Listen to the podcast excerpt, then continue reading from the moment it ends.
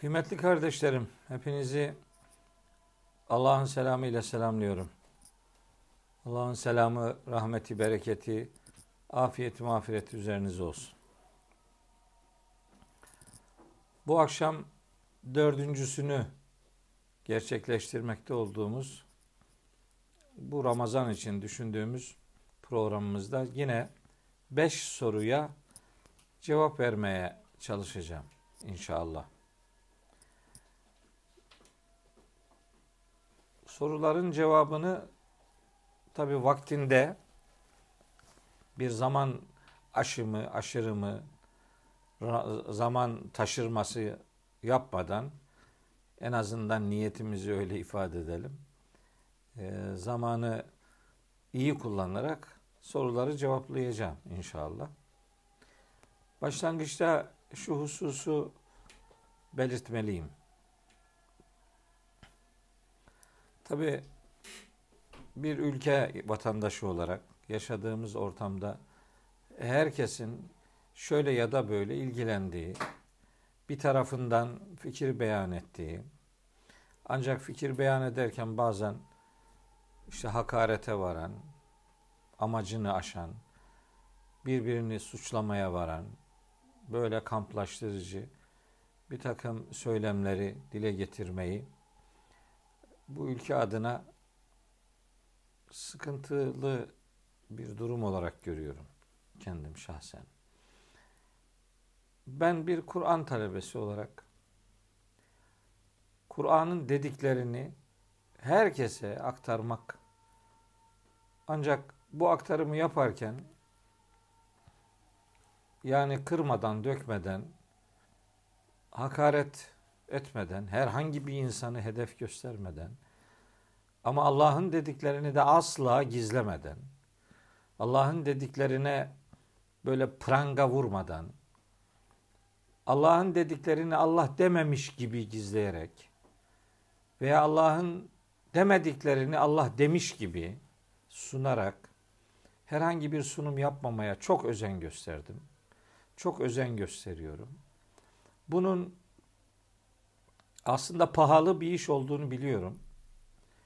Bazen bir takım insanların karşı çıkmalarına ve onların bir takım hakaretlerine maruz kaldığım, bir takım tehditlerine muhatap olduğum bir sürü dönem yaşadım. Kardeşlerim ben güç olarak gerçek güçlünün Allah olduğuna inanan bir insanım. O itibarla eğer güç adına konuşulacaksa Allah adına ve Allah'ın kitabından Allah'ın dediklerini konuşmak gerektiğine inanıyorum. Bunun dışında dünyevi güç olarak gücün sözüne değil, sözün gücüne inanan bir adamım. Sözün gücüne inandığım için en güçlü sözün hakikat anlamında en güçlü olan Rabbimizin sözü olduğuna iman etmiş bir insanım. Tevbe suresi 40. ayette Rabbimizin buyurduğu gibi ve kelimetullahi hiyel ulya Allah'ın kelimesi asıl yüce olan odur. Biz Rabbimizin zaten yüce olan kelimelerini muhataplara aktarmak üzere çaba sarf ediyoruz.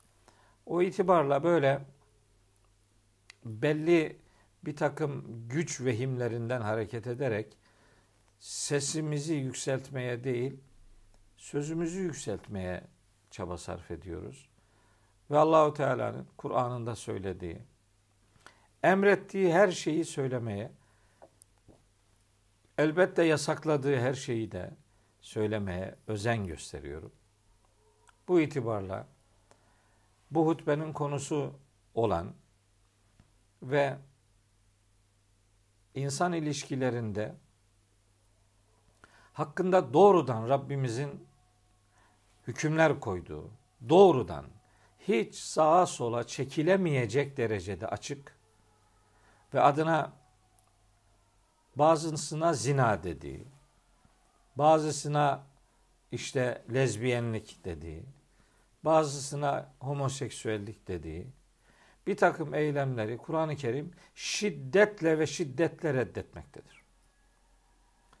Nikahsız ilişkilerden tutun, açık ve gizli bütün fuhuş denen eylemler Kur'an-ı Kerim'in reddettiği eylemlerdir. Bu eylemlerin yapılmaması gerektiği noktasında bir Müslüman olarak bunu söylemek, Allah'ın bir emrini dile getirme anlamında bizim görevimizdir.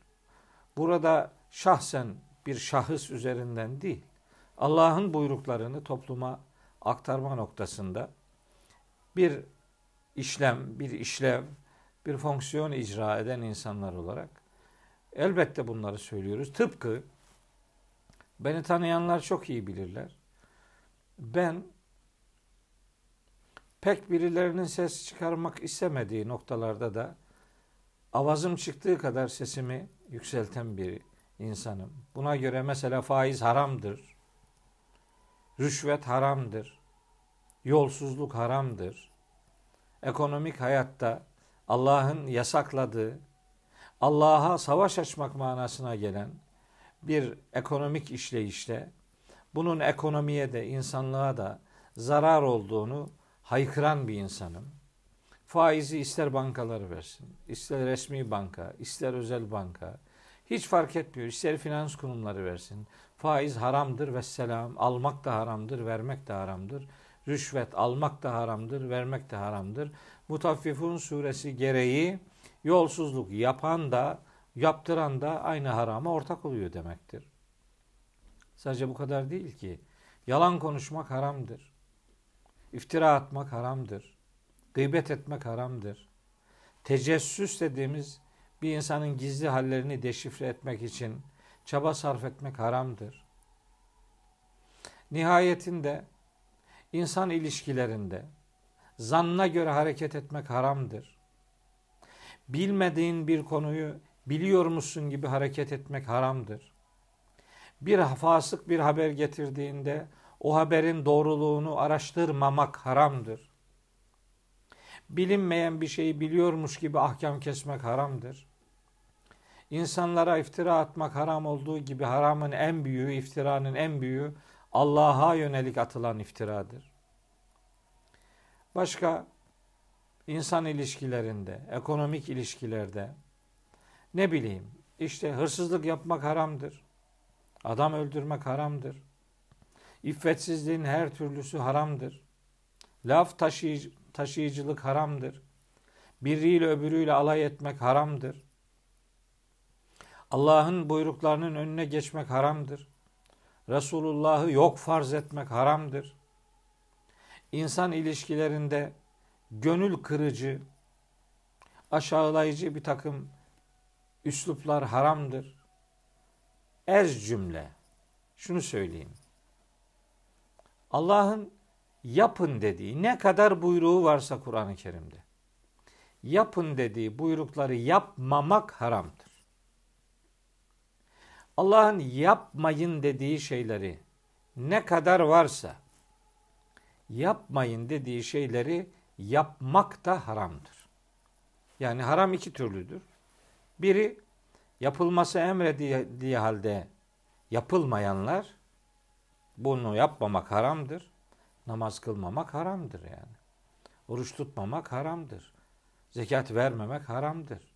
Sadaka vermemek haramdır. Değil mi? Kurban kesmemek haramdır. Yani yapılması emredilen şeyleri yapmamak da haramdır. Yapılmaması emredilen şeyleri yapmak da haramdır. İşte biraz önce bir grubunu size saydım. Dolayısıyla Allah'ın yasağı şudur demenin Allah'ın Kur'an'ında ifade ettiği gerçekleri bir bilgi unsuru olarak insanlara iletmek bu anlamda bir Müslüman olarak Allah'ın buyruklarını gizlememe hassasiyeti gösteren bir Müslüman olarak bunları üslubu doğru kullanarak ama ne olursa olsun bu gerçekleri gizlemeden Allah'ın buyruklarını Allah'ın hatırını her şeyin üstünde tutan insanlar olarak onun buyruklarının neler olduğunu da kamuoyuyla 10 yıllardır paylaşıyoruz. Yine bu akşamda mesela bu konuların bir tanesine sorulara cevap verirken temas edeceğiz.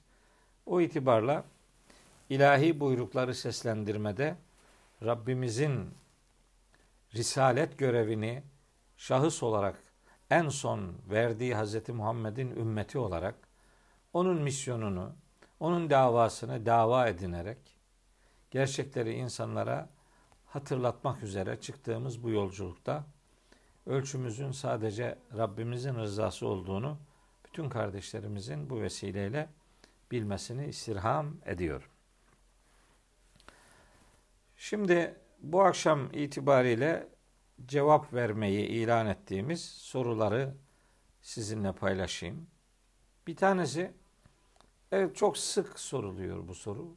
Tabi e, ekonomik şartlar, ticari şartlar, günün şartları, işte işveren, iş yeri, görev, mesai vesaire kavramlar nedeniyle insanlar işte ulaşım sıkıntısı olan yerlerde ulaşım nedeniyle yaşanan sıkıntılar e, şu soruyu sıklıkla sorduruyor bize. Namazlar bir toplanabilir mi? Cem edilebilir mi diye böyle namazların cem'i diye teknik bir konumuz var bizim. E, peki nasıl yani ne isteniyor cevap? İstenen şu. İşte e, hacdaki bir uygulamayı aslında onun da vakti zamanında bir mazeret nedeniyle e, yaşandıysa bir mazeret nedeniyle e, yaşandığı bilinen e, cem olayı öğle ile ikindiyi öğlenin vaktinde akşamla yatsıyı yatsının vaktinde kılma anlamında bir tecrübeden söz ediliyor. O bir mazeret ve mekana özel bir uygulama olmasına rağmen oradan bir e, kıyas yaparak normal hayatta da işte öğle ile ikindiyi, akşamla yatsıyı birleştirme beş vakit namazı üç vakitte kılma e, tecrübesi soruluyor. Bu olur mu diye. Ben Nisa suresinin 103. ayeti gereği her namazın vaktinin olduğuna iman etmiş. Bu beş vaktin beşinin de Kur'an-ı Kerim'de yer aldığını bilen bu beş vakit namaz uygulamasını Risalet hayatı boyunca uyguladığını bildiğimiz Peygamberimiz Aleyhisselam'ın uygulamalarından da gördüğümüz, öğrendiğimiz haliyle günlük namazların vakitleri beş vakittir. Bu hem vakitlerin adı zikredilerek Kur'an'da yer alır, hem güneşin hareketleri itibariyle Kur'an-ı Kerim'de bu beş vakit namaz yer alır. Böyle olunca kendine göre mazereti olan insanlar bu mazeretlerden hareketle namazları acaba birleştirebilir miyiz sorusunu soruyorlar. Ben namazların vakitli farz kılınmış bir ibadet olduğunu her fırsatta kardeşlerime aktarıyorum. Ancak bu bir süre sonra şuna da dönüyor. Böyle şeyler de geliyor. İşte e, gün içinde meşgul oluyorum. Akşam hepsini birden kılsam olur mu? E, işte hafta içi meşgul oluyorum. Cuma'da hepsini kılsam olur mu? E, ondan sonra senede iki bayrama indirgemek gibi. Yani böyle freni patlamış kamyon gibi iş gidiyor. Ben namazların en çok şöyle birleştirilebileceğine dair söz söylüyorum. En çok. Bunun ötesinde bir şey asla söylemem bir vaktin namazını vaktin sonuna doğru, diğer vaktin namazını da o vaktin başında, ilk anında kılma noktasında, vaktin sonuyla diğer vaktin başını birleştirme anlamında cemden kast ki bazı alimler de böyle düşünmüşlerdir. Nihayetinde en çok böyle olabileceğini e, zihnen düşünüyorum. Fakat yine her vaktin namazını o vaktin içerisinde kılmış olmak gerektiğine inanıyorum. Bunun dışında biraz daha yumuşak olmaz mı filan? Yumuşaklık, sertlik diye bizim bizim kurumumuz değil ki yani Rab, din Rabbimizindir. Vakitlerini belirlediği ve peygamberimizin de hayatı, risalet hayatı boyunca uyguladığı bu uygulamayı yani 3'e, 2'ye, şimdi vakitler aslında 2'dir de diyenler de var. üçtür diyenler var. Hatta namazlar işte iki rekattır. iki rekattan fazlası yoktur gibi böyle şeyler söyleniyor. Doğrusu ben daha az ibadete ve daha az fedakarlığa kapı aralayacak bu tür yorumlara sıcak bakmadığımı, her vaktin namazını o vaktin içinde kılmak gerektiğine inanan bir insanım. Buna azami dikkat gösterilmesi gerektiğine ve her namazı vaktinde kılma hassasiyetinin aslında o vakti insanın ibadetine şahit kılma noktasında da önemli bir fonksiyon icra ettiğine inandığım için namazların cem'ini değil, namazları vaktinde kılmak gerektiğini bu vesileyle söylemiş olayım. İkinci soru katılım bankaları ve borsadan alınan e, para veya oraya oralara para yatırmak faiz işleyişi ile ilişkili midir? Hiç hiç lafı öyle yuvarlamıyorum. Öyle yuvarlak konuşmuyorum. Yani ister resmi, ister özel, ister banka, ister katılım hesabı, ister borsa bilmem ne. Bunlar en yani en iyi ihtimalle şüpheli şeyler oldukları için en iyi ihtimalle söylüyorum. Şüpheli şeyler oldukları için bunlardan kaçınmak gerekir. Kur'an, İslam esasında emeği öne alan bir dinin adıdır. Emeği öne almış olması itibariyle de böyle paradan para kazanmayı değil, emekten para kazanmayı esas alır. Ee, böyle spekülatif e, bir takım e, manipülasyonlara açık bir takım e, olguların muhatabı olan bir işleyişte para işleyişinin böyle tertemiz, pirupak, hiçbir sakıncası yoktur gibi sözler asla ve asla söylemem, söyleyemem bir Müslüman olarak en azından şüpheli kabul ettiğim bu tür işleyişlerden uzak durmak gerektiğini, eğer bir mecburiyet varsa, kimin ne kadar mecbur olduğunun hesabını herkes kendisi Allah'a verir. Bir mecburiyet varsa bu mecburiyet ne düzeyde hayati ise bunu da herkes kendisi bilir.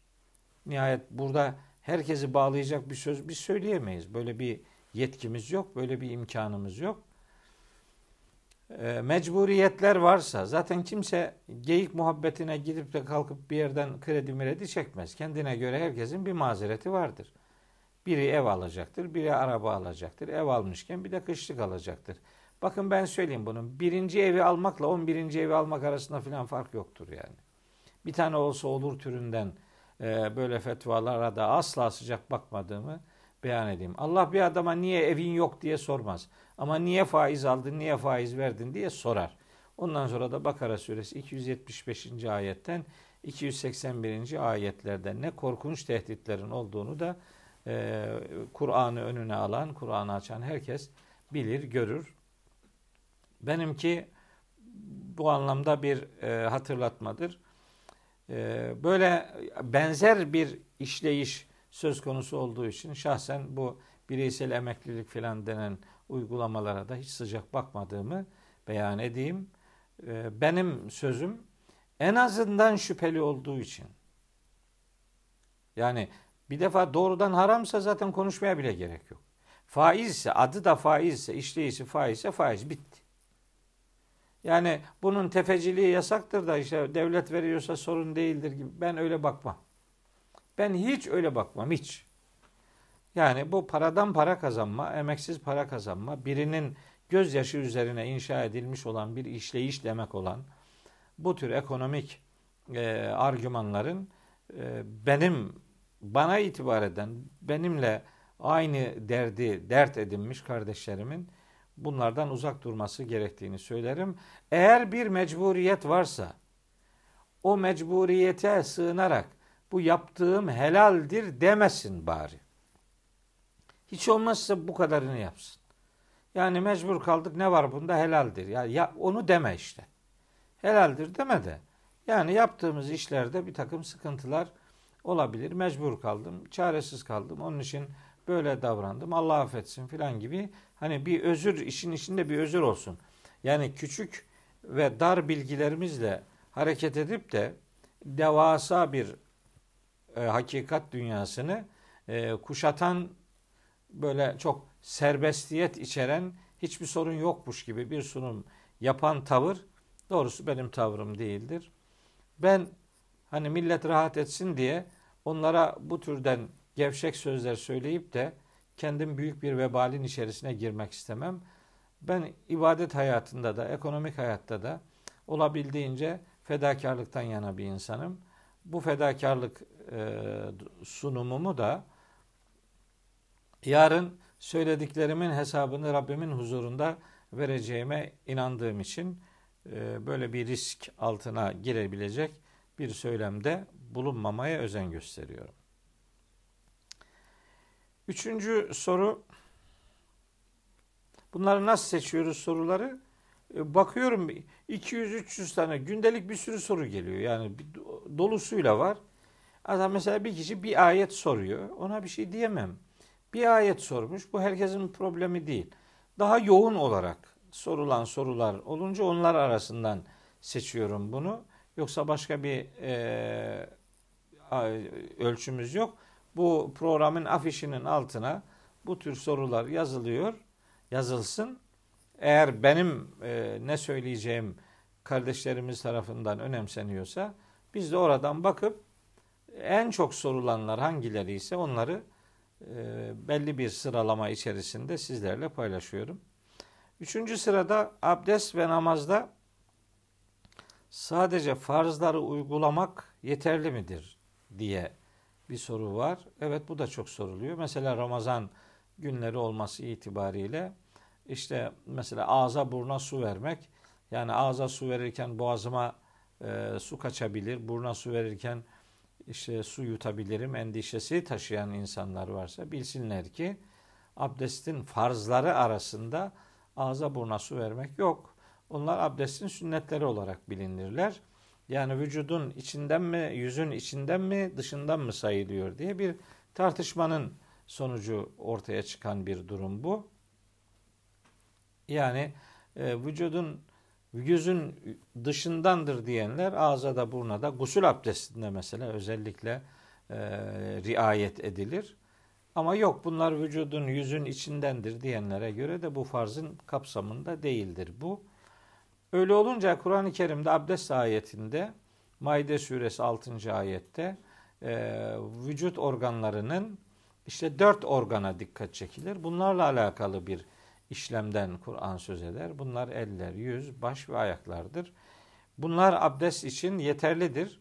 Ancak e, işte mesela bir defa kolunu yıkıyorsun. ikinci, üçüncü defa yıkamak kendince biraz daha işe biraz daha gönül verdiğini gösteren bir hassasiyet göstergesidir.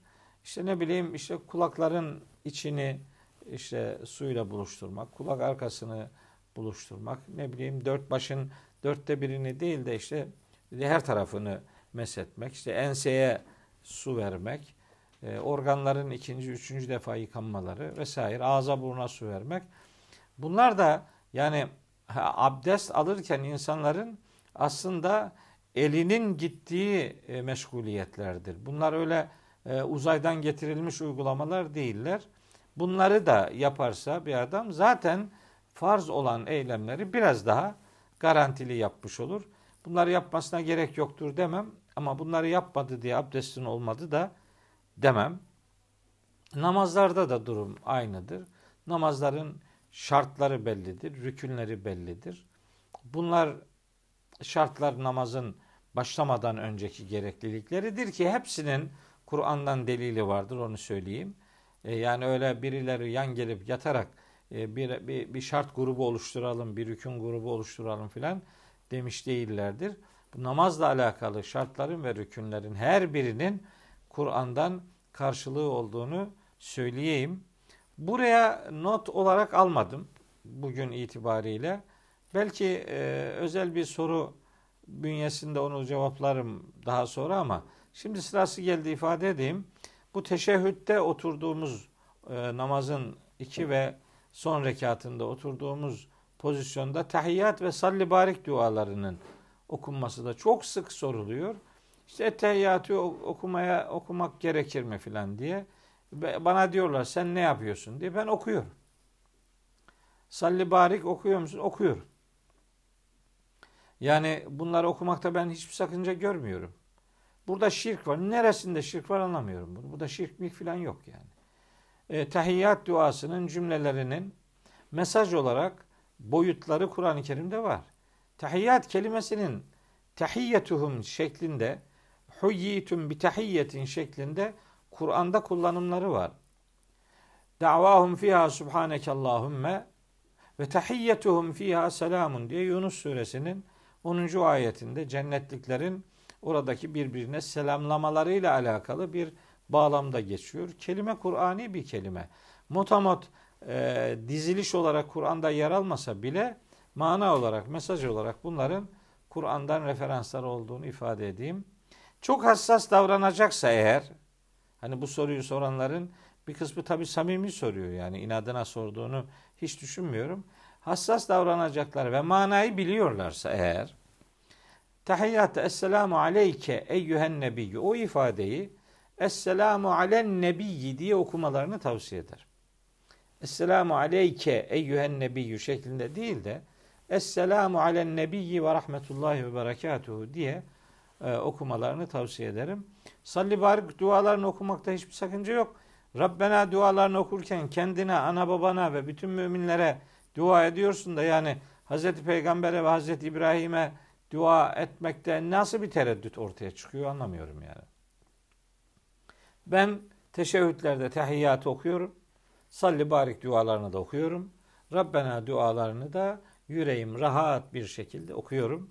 Bunda herhangi bir tereddüt içine girilmemesi gerektiğini buradan rahatlıkla söyleyebilirim. Dördüncü sırada yatsı namazının vakti en çok sorulan sorulardan biri bu. Şu vakitte kılın diye ben kimseye dayatma yapmam. Yani ben bir astronom değilim. Dolayısıyla böyle e, laboratuvarlarda veya işte gözlem noktalarında böyle bir çalışma filan yapmış değilim. Ancak gecenin karanlığının bastırılmasıyla, basmasıyla alakalı bir zaman olduğunu biliyorum. İşte Kur'an-ı Kerim'de de adının yer aldığını bildiğim bir vakit olması itibariyle batı tarafındaki kızıllığın bitmesi zamanında yatsı vaktinin girdiğini ve imsake kadar sürdüğünü düşünüyorum. Öyle olunca da hani bu okunan yatsı ezanlarının yatsı vaktinin giriş zamanı olduğunu ve bunun işte imsake kadar vaktinin devam ettiğini söyleyebilirim. En azından ben kendi uygulamam budur. Arada yatsıyla sabah arasında başka bir namazın vakti, müstakil bir namazın vakti olmadığı için e, zamanın oraya kadar sürdüğünü e, kaniyim.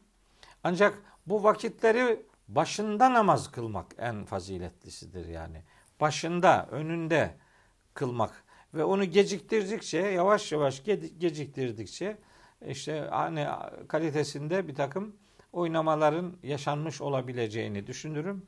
Ancak nihayetinde filancadan sonra kılarsan yatsı olmadım olmadı gibi böyle keskin ve kesin şeyler söylemek istemem. Nihayetinde bu tür sorular biliyorsunuz e, ibadetlerin dışıyla, şekliyle alakalı sorulardır. Ben kardeşlerimden namazın içiyle ilgili sorular sormalarını bekliyorum. Yani namaz beni nasıl kılacak?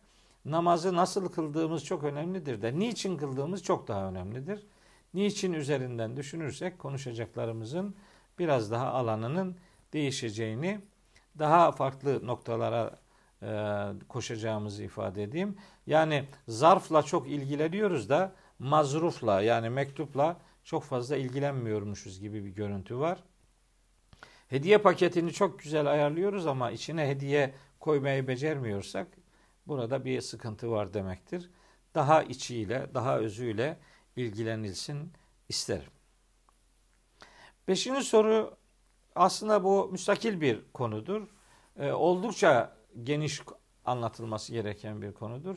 Ama programı aşmak istemiyorum. Bir cümlelik olsun buna da cevap vermek. Böylece programı bitirmek istiyorum. Ee, İslam Hz. Muhammed Aleyhisselam'a indirilen dinin özel adı değildir.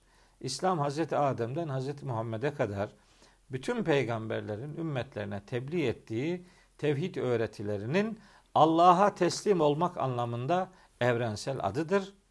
Onun için Maide suresi 3. ayette, Ali İmran suresi 19 ve 85. ayetlerde, Fussilet suresi 33. ayette, Hac suresi 78. ayette ve başka baş, Şura suresi 13. ayette, daha başka ayetlerde de işte En'am suresi 90. ayette de buna dair evrensel manada Allah'ın gönderdiği bütün dini prensiplerin ortak adının İslam olduğunu, bütün peygamberlerin İslam peygamberi olduğunu, bütün o peygamberlere iman eden ümmetlerinin de Müslüman olduğunu Hac suresi 78. ayetin açık beyanıyla buradan çok rahatlıkla sizlere bunu ifade edebilirim. Başka zamanlarda biraz daha açıklayıcı beyanlarımız olabilir. Bu vesileyle hepinize hayır dolu, huzur dolu, ibadetin zevkini tadacağınız bir ömür Cenab-ı Hakk'ın nasip etmesini niyaz ediyorum. Hepiniz, hepimiz Allah'a ve onun rahmetine, onun rahmet deryasına layık olabilecek amellerin sahipleri olalım diye dua ediyorum. Allah'a emanet olun.